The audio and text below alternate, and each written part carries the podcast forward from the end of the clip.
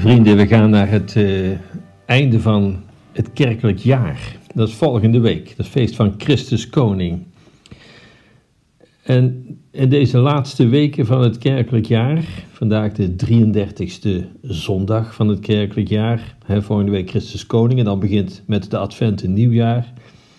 Maar zo in deze weken gaat het ook niet alleen over het einde van het kerkelijk jaar, maar ook op, over het einde van de tijd. Wat gebeurt er in het evangelie? Jezus en zijn leerlingen, die staan daar voor de tempel. En die weet het, hè, ik heb het er pas geleden over gehad, hè, de tempel, dat, dat was wat in die tijd. Het is niet alleen eh, wat bij ons een kathedraal zou zijn, het centrum van religieus centrum, dat was het zeker ook. Maar nog veel meer, daar is het centrum waar alles bij elkaar komt. Het, het culturele, het politieke, het, het maatschappelijke. Daar komt alles bij elkaar en men, vergaapte zich aan de grootsheid. Het is ook die tempel die identiteit gaf aan het Joodse volk. En zeker ook het religieuze centrum, daar waar God woonde. En wat zegt dan Jezus? Mensen staan daar voor die tempel, voor die imposante tempel. En dan komt er een tekst als: Er blijft geen steen op de andere, alles gaat ten gronde. Ja, ik mag graag naar de Sint-Jan gaan in, in Den Bosch. Prachtige kathedraal hè, in, het, uh, in het Brabantse. Um, de schoonheid, de historie, de grootsheid. Prachtig. Stel dat ik dan vrienden meeneem en dan, ja, ze zich daar interesseren voor wat daar voor hen staat. En ik zou dan zeggen, nou, er komt een tijd, dan staat er geen één steen op de andere meer en zal heel het gebouw ten gronde gaan. Dat zou toch wel merkwaardig zijn. En toch, Jezus zegt het, maar nog meer, wat zegt hij nog meer? Ja, de zon zal verduisteren, de maan zal geen licht meer geven, de sterren zullen van de hemel vallen. Oftewel, niet alleen die tempel gaat te gronden, er blijft geen steen op de andere, maar de hele kosmos gaat teniet. Er blijft niks meer van over, het einde van de wereld. Wat zijn dit voor apocalyptische teksten?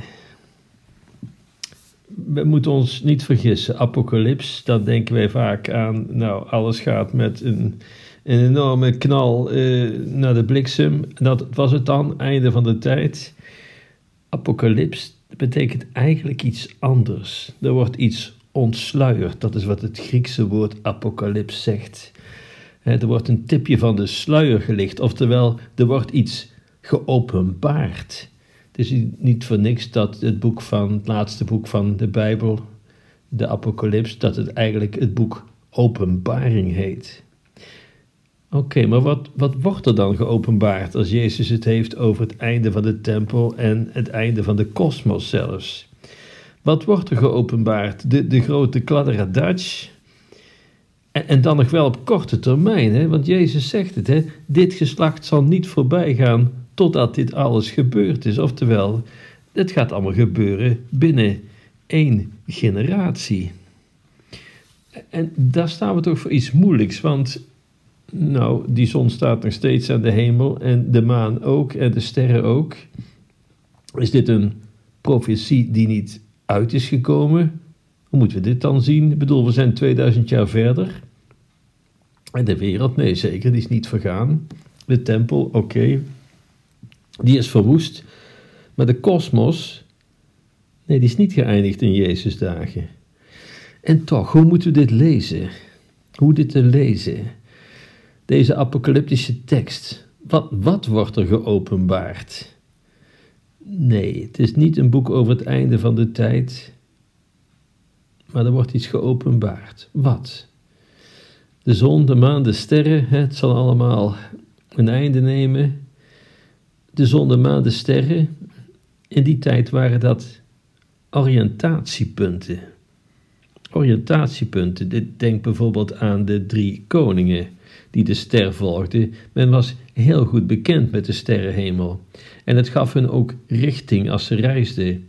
Men wist als ze de zon zagen, of de maan of de sterren, men kon hun positie bepalen en ook de richting bepalen. In onze dagen kunnen scouts dat misschien nog, zien waar ze zich bevinden aan de hand van, van de stand van de zon enzovoorts. En welke richting moeten ingaan om hun bestemming te bereiken.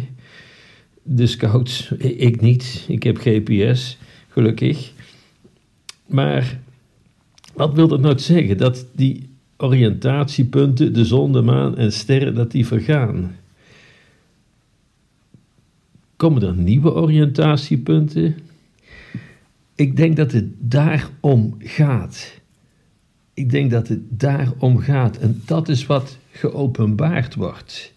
Want waar, heeft Jezus het over als de tempel vergaat?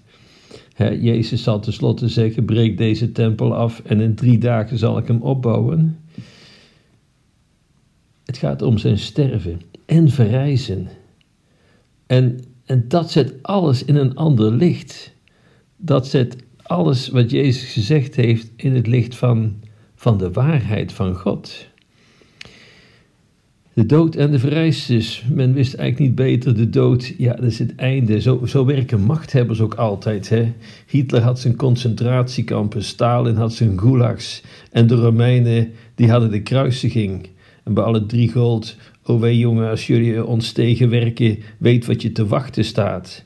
De dood. En dat is wat machthebbers gebruikten om hun macht te handhaven. Dreigen met de dood, want de dood is het eindpunt. Maar hier in Jezus wordt iets geopenbaard. Gods liefde die sterker is dan de dood. Oftewel, vergeet de zon en de maan en de sterren als oriëntatiepunt. De Heilige Geest, Christus, Hij is ons oriëntatiepunt. Hij die heel anders in het leven stond dan die machthebbers van die tijd.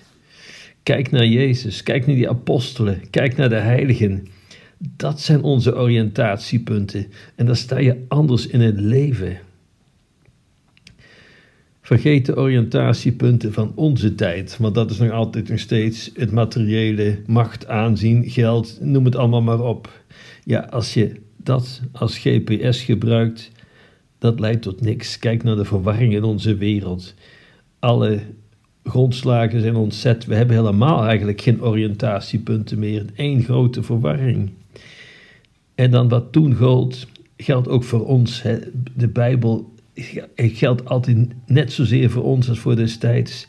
Neem die Heilige Geest als GPS, als oriëntatiepunt. Handel in de geest van Jezus en dat maakt alles anders.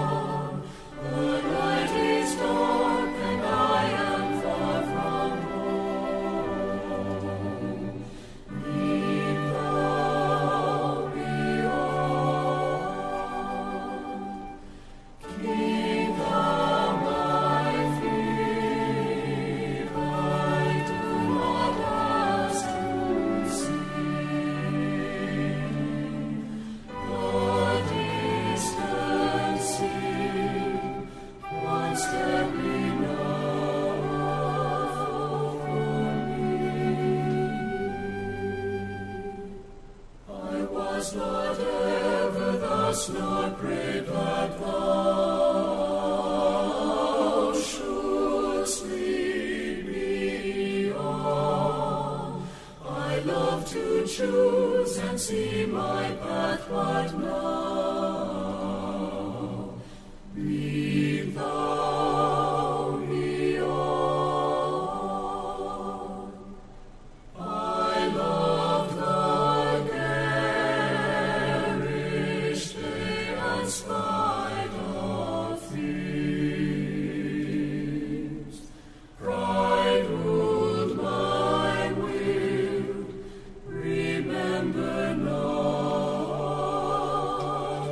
You.